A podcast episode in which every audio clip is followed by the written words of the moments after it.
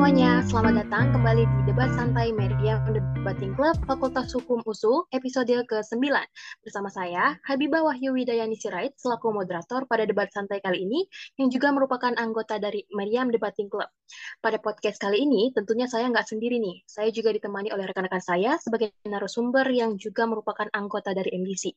Yang pertama ada Elsa Daniela Simbolon sebagai pihak pro, dan yang kedua ada Katrunada Salsabila Siregar selaku pihak kontra. Nah, untuk mekanisme podcast debat santai kita kali ini akan terbagi menjadi dua segmen, yakni yang pertama, penyampaian opini oleh pihak pro untuk mendukung topik perdebatan. Selanjutnya yang kedua, yakni penyampaian opini oleh pihak kontra terkait penolakan terhadap topik yang akan kita bahas. Adapun topik yang akan kita bahas pada debat santai kita kali ini ialah penerapan sistem electronic road pricing atau ERP sebagai instrumen untuk mengatasi kemacetan. Tentu hal ini merupakan topik yang sangat menarik untuk dibahas ya teman-teman, mengingat bahwa ERP ini merupakan suatu kebijakan baru yang akan diterapkan di Indonesia, terutama di daerah ibu kota DKI Jakarta. Sistem Electronic Road Pricing atau ERP merupakan suatu metode pengendalian lalu lintas dengan menggunakan sistem jalan berbayar yang diterapkan secara elektronik. Nah, seperti yang kita ketahui, bahwa kemacetan merupakan salah satu masalah yang kerap kali terjadi di daerah perkotaan terutama ibu kota. Maka, diperlukan adanya kebijakan untuk mengatasi permasalahan lalu lintas tersebut. Adapun salah satu upaya yang akan dilakukan ialah dengan penerapan sistem ERP yang dinilai dapat menjadi solusi untuk menekan kemacetan melalui pengendalian lalu lintas kendaraan bermotor atau sebagai push strategi.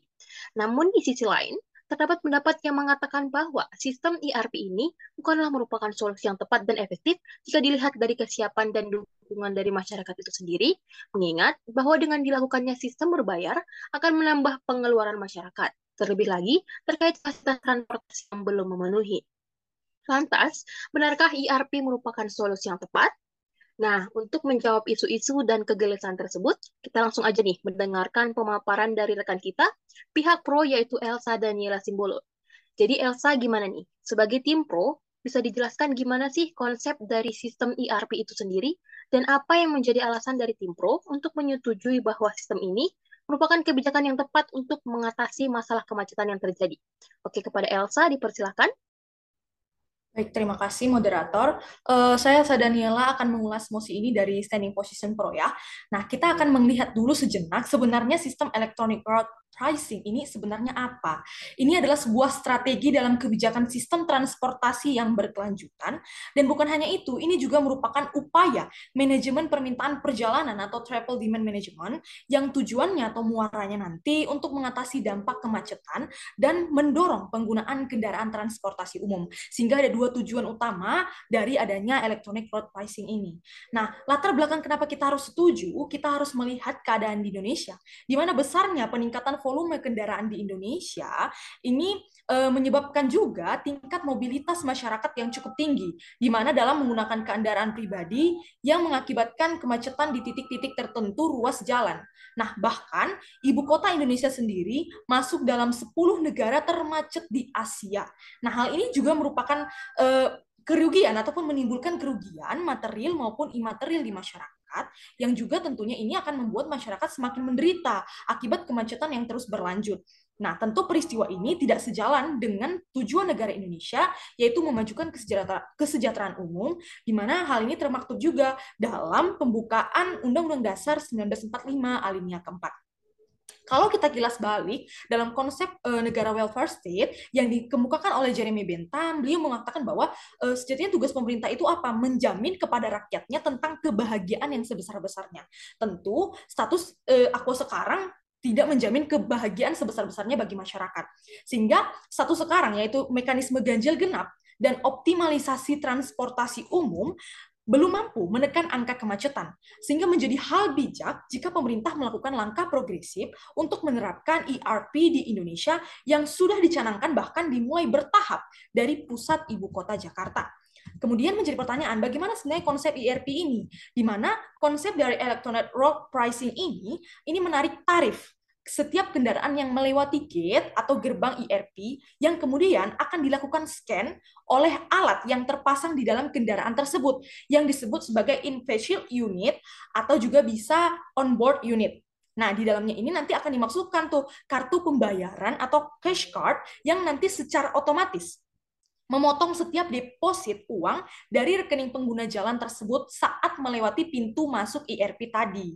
Nah, infrastruktur IRP ini nanti juga akan dilengkapi oleh control center, ini yang berfungsi untuk memantau para pengendara dalam eh, memproses transaksi itu tadi, sehingga akan terjadi minim kecurangan dalam konteks ini. Nah, adapun penerapan dari IRP sendiri yang kami tim pro ini setujui hanya diterapkan pada jalan-jalan tertentu, bukan setiap jalan di Indonesia, di mana jalan-jalan yang memiliki tingkat kepadatan tinggi atau perbandingan volume lalu lintas kendaraan lebih besar dari 0,9 daripada kapasitas jalan terhadap satu jalur dan juga penerapannya ini dilakukan pada jam-jam sibuk atau jam-jam waktu tertentu saja.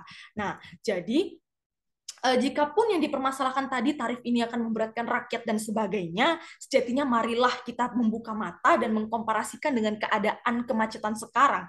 Bahkan untuk satu ibu kota saja ataupun satu kota, negara Indonesia telah rugi 71 triliun per tahunnya akibat kemacetan.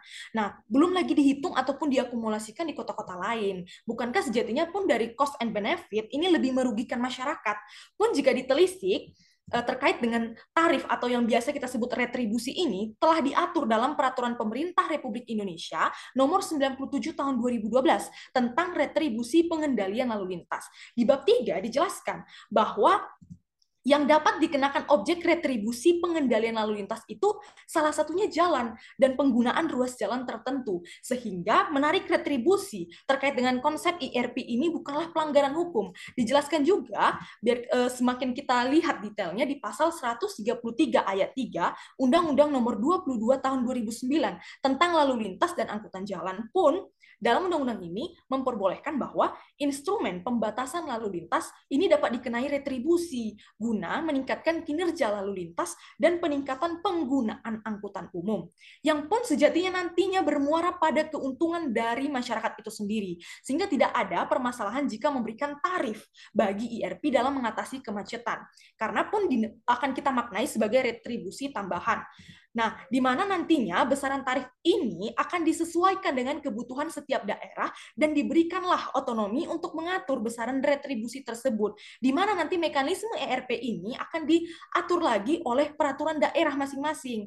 Dan juga tidak semua jenis kendaraan ini bisa dikenakan IRP. Nah, ada beberapa kendaraan-kendaraan yang dikecualikan dari IRP, yang di mana eh, seperti sepeda listrik, kendaraan bermotor umum plat kuning, transportasi umum lainnya seperti ojek online, kendaraan dinas, selain berplat hitam, kendaraan ambulans, kendaraan pemadam kebakaran, kendaraan jenazah, kendaraan yang mengangkut lembaga mengangkut gas dan minyak, mohon maaf, kendaraan Presiden RI beserta jajaran dan stafnya, kendaraan pimpinan lembaga tinggi juga di Indonesia, kendaraan dinas aparatur negara yang berplat merah, misalnya Polri dan TNI, kendaraan pejabat negara asing atau lembaga internasional yang berkunjung ke Indonesia, kendaraan P3K, kendaraan yang e, mengangkut uang yang ditaruh ke beberapa ATM atau bank, kendaraan untuk keperluan penanganan bencana COVID-19, dan keperluan kendaraan untuk keperluan logistik, ini jenis kendaraan yang tidak dikenakan oleh IRP tersebut. Namun kami juga memang percaya tidak ada hasil dari suatu kebijakan yang instan.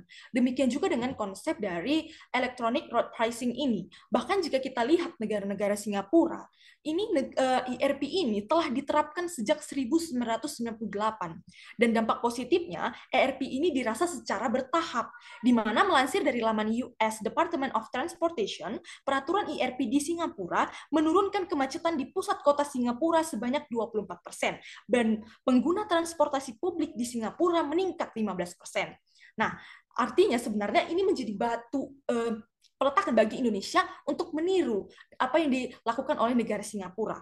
Nah, disepakat juga dengan apa yang dikatakan oleh Yusa C. Permana selaku lembaga pengamat transportasi dan logistik bahwa IRP ini bagian yang tidak terpisahkan loh dari strategi besar dan utuh manajemen transportasi perkotaan, di mana tujuannya memang untuk mendorong penggunaan angkutan umum dan mengurangi ketergantungan pada kendaraan pribadi.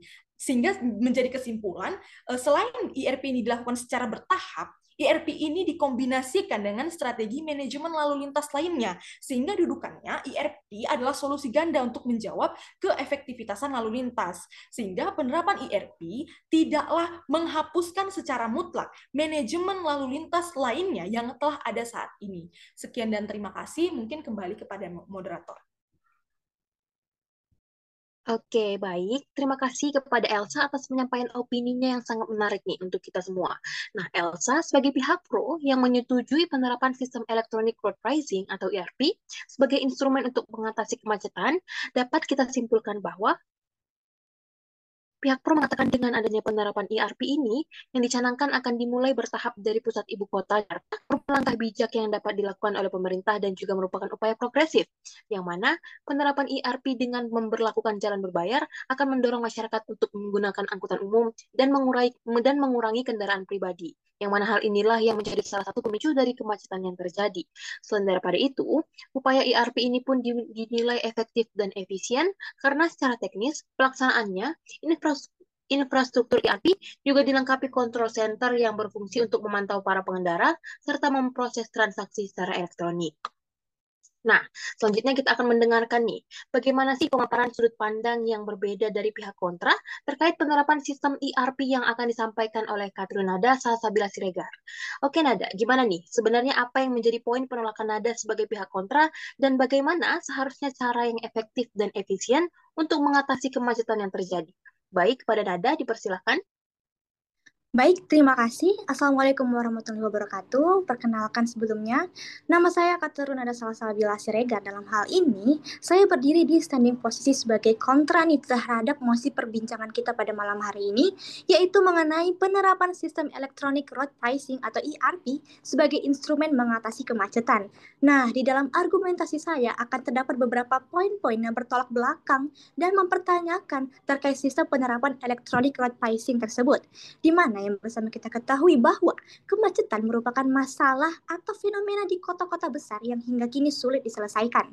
Hal ini sejalan yang dikatakan oleh Direktur Lalu Lintas Polda Metro Jaya, Kombes Latif Usman mengatakan bahwa kemacetan di ibu kota sudah mencapai 48 persen.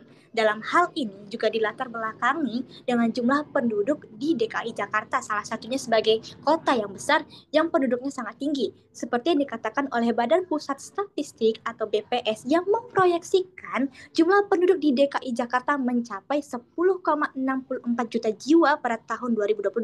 Sungguh fantastis, bukan? Dalam hal ini, jika tim ataupun jika rekan berpikir saya dari Standing Position Pro mengatakan bahwa dengan diterapkannya sistem Electronic Road Pricing atau ERP ini dapat menekan angka kemacetan terkhususnya dan juga bertujuan salah satunya untuk mengarahkan penggunaan kendaraan pribadi beralih dan memanfaatkan angkutan umum. Hal ini uh, menjadi tanda tanya yang ada di pikiran saya. Pertanyaannya adalah apa bisa apa memang benar bisa sistem ERP ini dapat membuat masyarakat sadar untuk beralih ke transportasi umum di mana masyarakat memiliki segudang fakta nih mengenai kualitas transportasi umum yang ada. Apakah sistem ERP ini sudah merangkul semua golongan masyarakat? Selain ERP ini sendiri adalah rancangan peraturan yang direncanakan terbit untuk menekan angka kemacetan dan mengurangi polusi, akan tetapi jika peraturan ini disahkan ataupun diberlakukan dikhawatirkan nih secara langsung maupun tidak langsung akan mengkesampingkan beberapa aturan lain terdahulu yang pernah ada, seperti salah satunya aturan emisi kendaraan ataupun kendaraan layak jalan. Oleh karena itu, aturan ini dikhawatirkan dapat bersifat lex spesialis derogat lex generalis karena dalam sementara waktu jika penerapan yang terjadi akan menjadi fokus utama dalam pembangunan. Kemudian terkait hal ini, penerbitan aturan ini akan menimbulkan tumpang tindih karena masih banyak masyarakat Jakarta yang enggan menaiki transportasi umum dikarenakan beberapa faktor di antaranya seperti keterbatasan informasi, biaya dan alat pembayaran serta efisiensi, dan volume pelayanan yang rendah yang menimbulkan kecenderungan pola pikir anti ribet terhadap sebagian masyarakat dan menjadi celah buat membuat orang untuk enggan nih menaati aturan IRP agar naik transportasi umum dan malah akan menganggap ringan dan membayar saja karena kebutuhan untuk lewat jalan tersebut.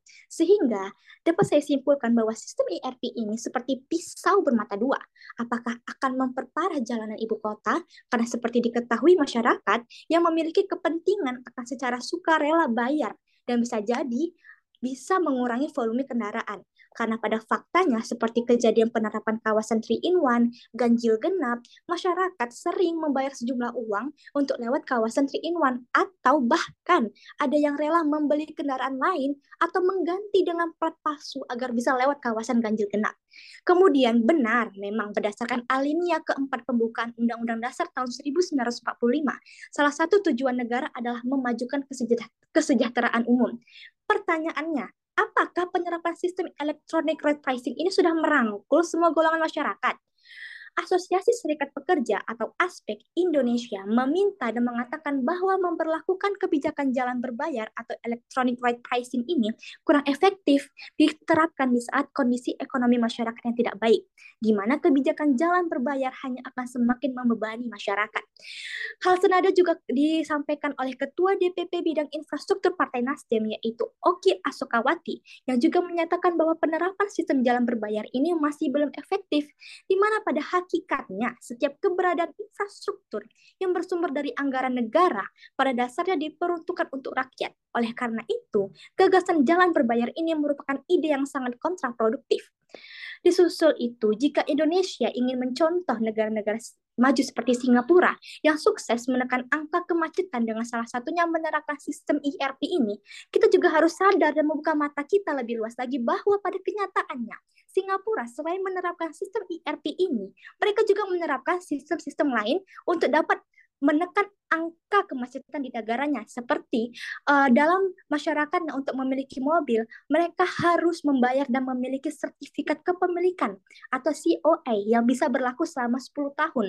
Dan juga di Singapura memperlakukan pajak yang sangat tinggi untuk urusan kendaraan bermotor serta mereka telah memperlakukan kuota pertumbuhan jumlah kendaraan yang hanya 0,25% per tahun untuk semakin membatasi jumlah kendaraan. Selain membatasi pertumbuhan kendaraan, mereka juga dalam mengatasi kemacetan dengan berinvestasi besar-besaran di jaringan transportasi umum negara tersebut. Lantas, bagaimana dengan Indonesia?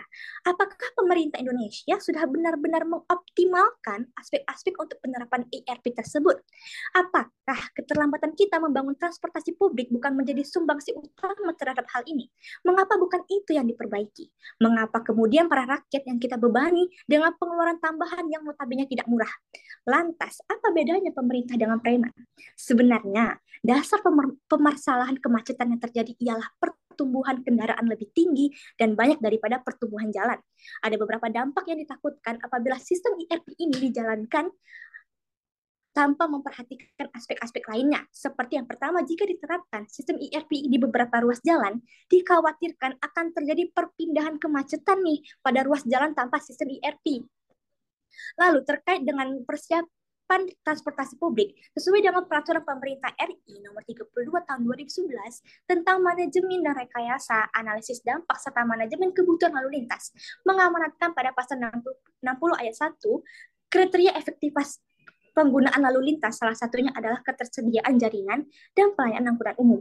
Jika dilihat secara umum, pelaksanaan transportasi darat untuk angkutan umum di Indonesia mempunyai beberapa masalah seperti trayek-trayek yang tumpang tindih, tidak sesuainya jumlah bus dalam suatu trayek, volume pelayanan masih rendah di mana dimensi angkutan umum atau bus tidak sesuai dengan panjang trayek dan tingkat efisiensi yang masih rendah. Oleh karena itu, dalam menerapkan suatu sistem baru atau peraturan baru pemerintah harus lebih matang mengkaji dan mempersiapkan berdasarkan aspek-aspek seperti aspek filosofis, aspek yuridis, dan juga sosiologis. Bagaimana peraturan atau sistem ini bisa merangkul seluruh golongan masyarakat dan bagaimana juga karakter sifat masyarakat dalam menanggapi suatu kebijakan yang baru. Mungkin sekian dari argumentasi saya, saya kembalikan kepada moderator. Terima kasih. Oke, baik. Terima kasih kepada Nada atas penyampaian opininya yang juga sangat menarik nih. Nah, Nada sebagai pihak kontra yang menolak untuk dilakukannya penerapan sistem Electronic Road Pricing atau ERP sebagai instrumen mengatasi kemacetan, yang mana dia mengatakan bahwa ERP tidak efektif diterapkan saat kondisi ekonomi masyarakat yang tidak baik, di mana kebijakan jalan berbayar hanya akan semakin membebani masyarakat. Selain daripada itu, pihak kontra mengatakan juga belum siapnya sarana transportasi dan lalu lintas menjadi salah satu alasan mengapa IRP ini tidak tepat untuk dilakukan. Secara kualitas dan kuantitas, transportasi umum yang tersedia tidak dapat memenuhi standar dan kebutuhan masyarakat yang ada.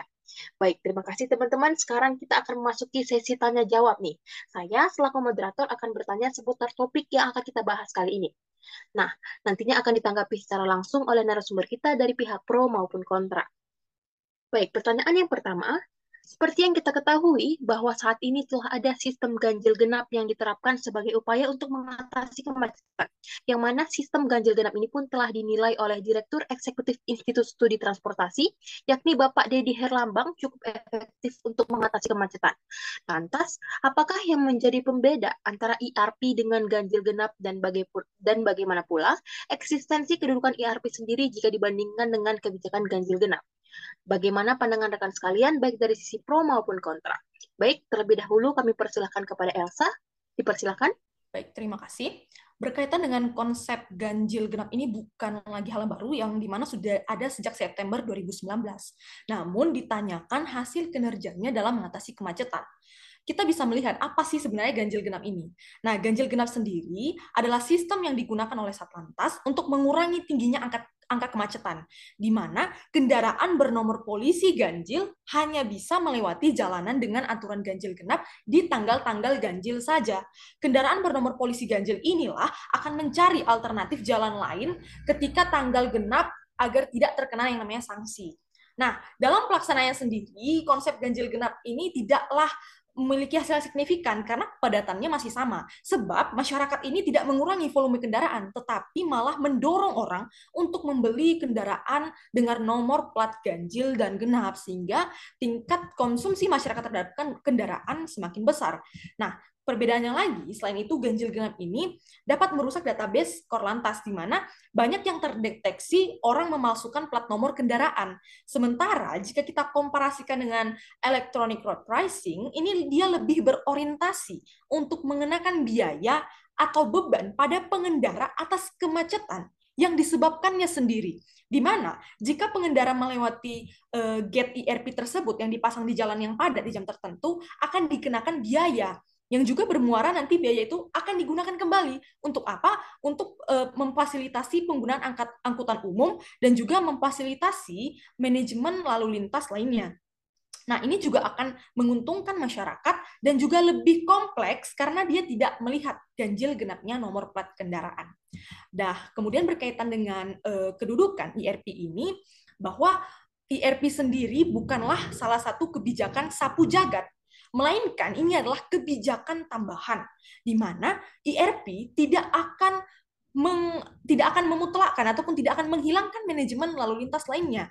Bahkan IRP sendirilah yang akan masuk dalam strategi manajemen lalu lintas itu sendiri. Sehingga nantinya akan ada solusi ganda dan juga kombinasi antara IRP dan juga eh, manajemen lalu lintas lainnya. Sehingga daerah-daerah ataupun jalan-jalan yang tidak tidak terakomodir IRP akan terakomodir oleh manajemen lalu lintas lainnya. Sekian dari saya dan terima kasih. Baik, terima kasih jawabannya Elsa dari sisi pro. Selanjutnya kita akan mendengar nih jawaban dari sisi kontra, baik kepada Nada. Dipersilakan untuk menanggapi. Baik, terima kasih moderator. Uh, saya akan menanggapi pertanyaannya nih. Nah, seperti yang kita ketahui bersama, pembeda antara ERP dengan sistem ganjil genap, di mana sistem electronic pricing ini merupakan sistem jalan berbayar yang diterapkan secara elektronik.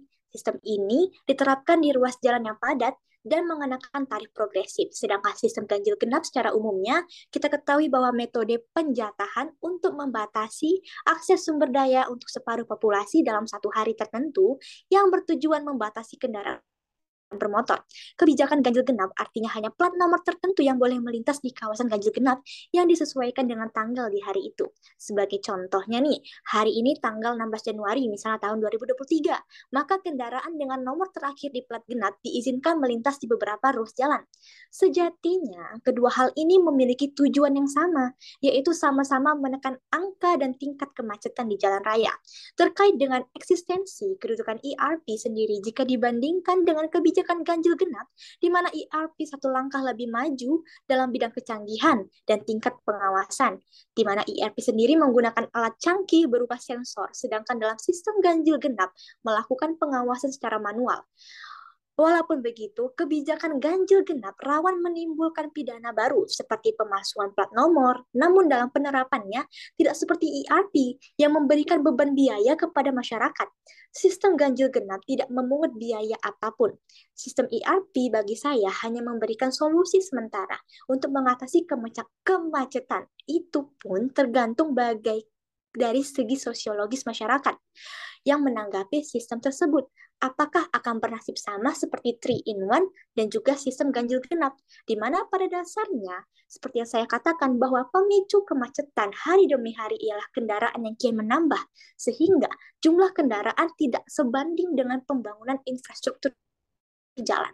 Mungkin sekian jawaban dari saya, saya kembalikan kepada moderator. Terima kasih. Oke, baik. Kita telah mendengar nih jawaban dari sisi pro dan kontra. Kita akan masuki pertanyaan yang kedua ya, teman-teman. Selanjutnya, pertanyaan yang kedua. Sejatinya, rencana penerapan sistem ERP ini sudah sejak lama dicanangkan, yakni sejak tahun 2006. Namun tak kunjung terrealisasikan hingga belasan tahun lamanya. Bukankah hal ini menunjukkan bahwa perlunya persiapan dan perencanaan yang matang dalam pelaksanaan sistem ERP ini dari segi teknis pelaksanaan maupun masyarakatnya? Mari kita mendengarkan bagaimana pandangan rekan sekalian dari sisi pro maupun kontra terkait hal tersebut. Kami persilakan terlebih dahulu untuk Elsa dari sisi pro. Baik, terima kasih. Uh, saya memandang bahwa setiap kebijakan perlu adanya persiapan yang masif, di mana memang tidak dinafikan bahwa IRP sendiri memiliki kendala yaitu lambatnya terbit peraturan daerah berkaitan dengan electronic road pricing ini, di mana memang kebutuhan setiap daerah dalam memanajemen lalu lintas ini berbeda.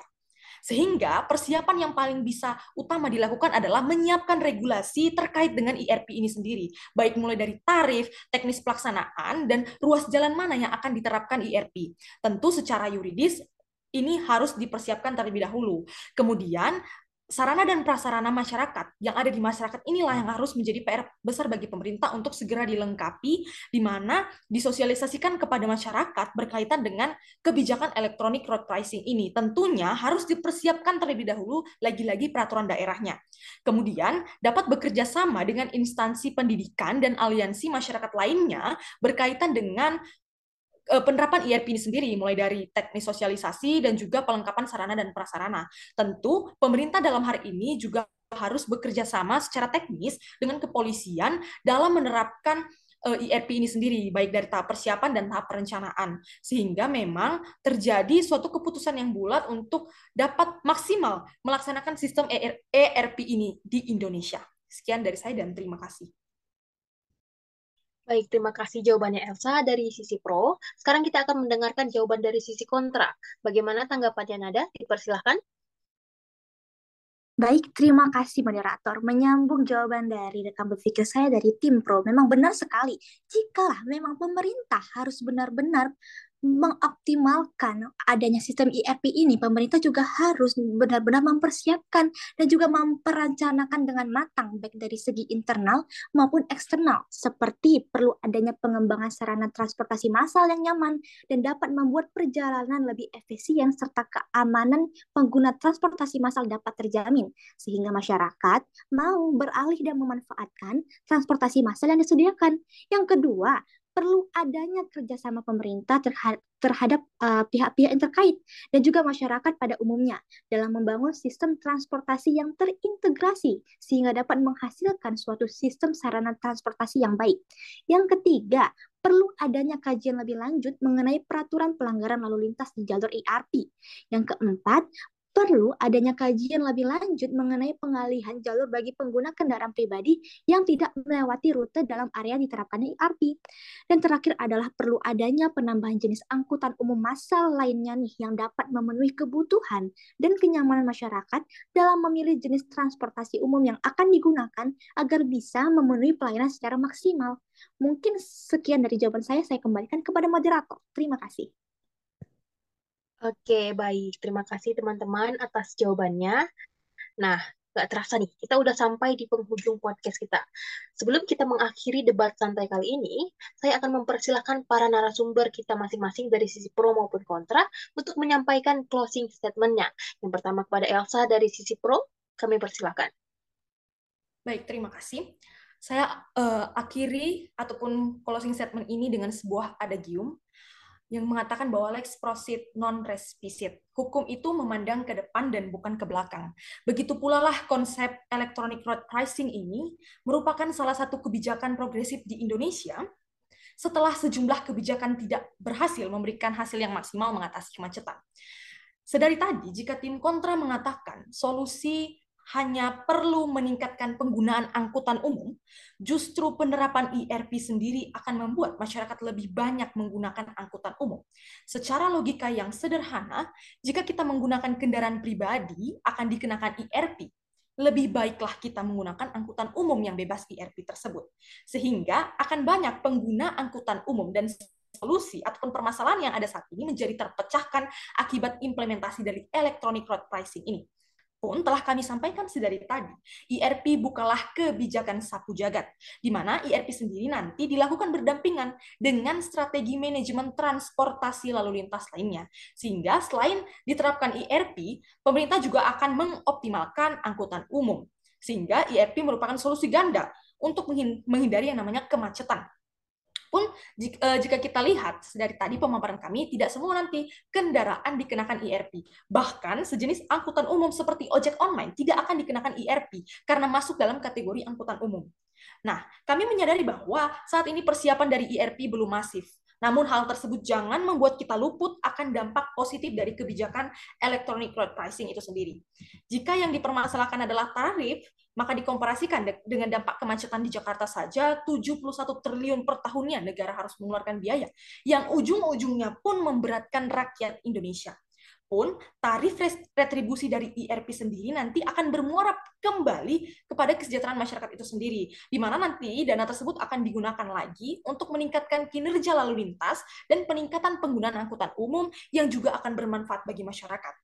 Manfaat IRP memang tidak bisa dirasakan instan.